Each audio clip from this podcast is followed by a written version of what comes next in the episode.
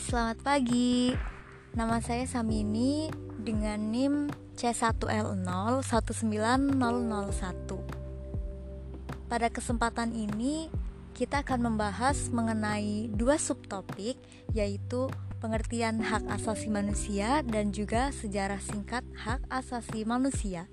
Selamat mendengarkan. Kita masuk ke subtopik pertama, yaitu pengertian hak asasi manusia. Hak asasi manusia merupakan hak dasar yang melekat dan dimiliki oleh setiap manusia sebagai anugerah dari Tuhan Yang Maha Esa. Jadi ada beberapa kata penting yaitu hak dasar, melekat, manusia, dan merupakan anugerah dari Tuhan Yang Maha Esa. Kesadaran akan hak asasi manusia didasarkan pada pengakuan bahwa semua manusia sebagai makhluk Tuhan memiliki derajat dan martabat yang sama. Maka setiap manusia ini memiliki hak dasar yang disebut dengan hak asasi manusia atau sering kita kenal dengan istilah HAM.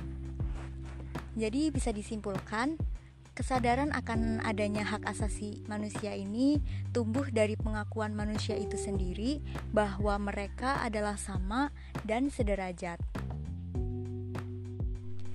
Hak asasi manusia pada dasarnya harus mendapatkan jaminan dari pemerintah atau negara.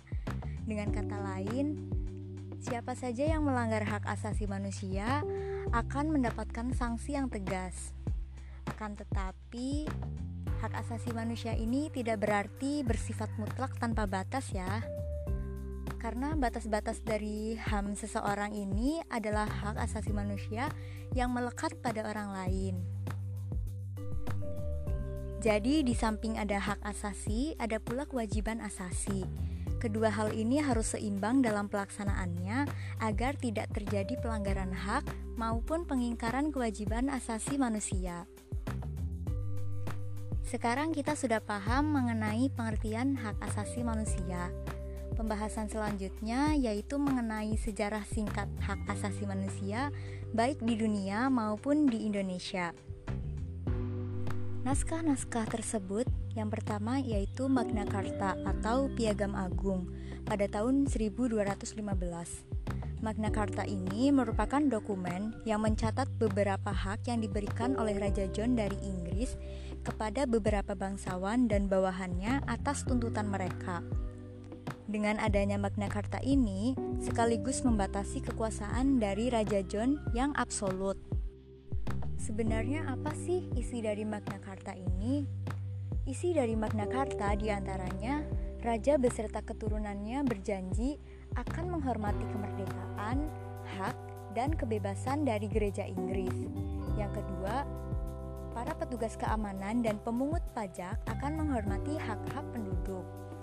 Ketiga, polisi ataupun jaksa tidak dapat menuntut seseorang tanpa bukti dan sanksi yang sah. Selanjutnya, hak asasi manusia atau HAM dianggap lebih penting daripada kedaulatan, hukum, ataupun kekuasaan. Karena itulah Magna Carta dianggap sebagai lambang perjuangan hak-hak asasi manusia dan dianggap sebagai tonggak perjuangan lahirnya hak-hak asasi manusia. Naskah yang kedua yaitu Bill of Rights atau Undang-Undang Hak pada tahun 1689 yang merupakan undang-undang yang diterima oleh parlemen Inggris sesudah berhasil dalam tahun sebelumnya mengadakan perlawanan terhadap Raja James II dalam suatu revolusi tak berdarah. Isinya berupa kebebasan dalam pemilihan anggota parlemen, kebebasan berbicara dan mengeluarkan pendapat, pajak, undang-undang, dan pembentukan tentara tetap harus seizin parlemen, hak warga negara untuk memeluk agama menurut kepercayaan masing-masing, serta parlemen berhak untuk mengubah keputusan raja. Yang ketiga, ada pernyataan hak-hak manusia dan warga negara pada tahun 1789 yang merupakan suatu naskah yang dicetuskan pada permulaan revolusi Prancis sebagai perlawanan terhadap kesewenangan dari rezim lama.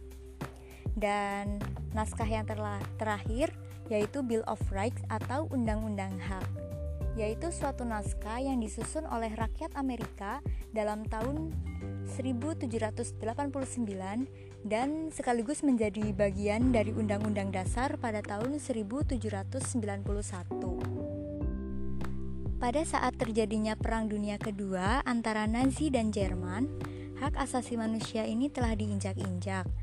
Melihat kenyataan ini, Presiden Amerika Serikat, yaitu Franklin D. Roosevelt menganggap bahwa hak-hak asasi manusia pada abad ke-17 dan 18 yang hanya mengatur tentang hak politik saja ini tidak cukup. Sehingga perlu dirumuskan hak-hak lain yang lebih luas. E, dengan ini, maka lahir empat kebebasan atau yang dikenal dengan istilah the four freedoms yang meliputi pertama kebebasan untuk berbicara dan menyatakan pendapat atau freedom of speech. Yang kedua, kebebasan beragama atau freedom of religion. Ketiga, kebebasan dari rasa takut atau freedom from fear. Yang keempat, kebebasan dari kemelaratan atau freedom from bond. Nah, kita tadi sudah membahas mengenai sejarah hak asasi manusia di dunia. Sedangkan di Indonesia sendiri, sejak awal perjuangan kemerdekaan sudah menuntut dihormatinya hak asasi manusia. Misalnya, kebangkitan nasional pada 20 Mei 1908 menunjukkan kebangkitan bangsa Indonesia untuk membebaskan diri dari penjajahan bangsa lain. E, selanjutnya ada Sumpah Pemuda pada 28 Oktober 1928 juga memperlihatkan bahwa bangsa Indonesia ini menyadari haknya sebagai suatu bang satu bangsa yang bertanah air, bertumpah darah, serta akan menjunjung bahasa persatuan yaitu bahasa Indonesia. Peristiwa selanjutnya yaitu Proklamasi Kemerdekaan 17 Agustus 1945 yang diikuti juga dengan penetapan Undang-Undang Dasar 1945 dalam pembukaan UUD 1945 ini berbunyi bahwa sesungguhnya kemerdekaan itu ialah hak segala bangsa. Oleh sebab itu, penjajahan di atas dunia harus dihapuskan karena tidak sesuai dengan peri kemanusiaan dan peri keadilan.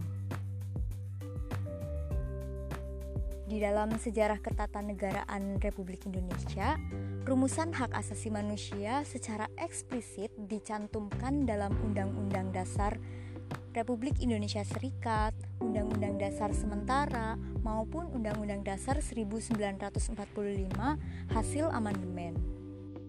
Nah, sudah selesai penjelasan dari saya. Ada sedikit kalimat dari saya. Tidak ada manusia yang sama namun mereka tetap setara. Semoga bisa dipahami ya. Sekian, terima kasih telah mendengarkan.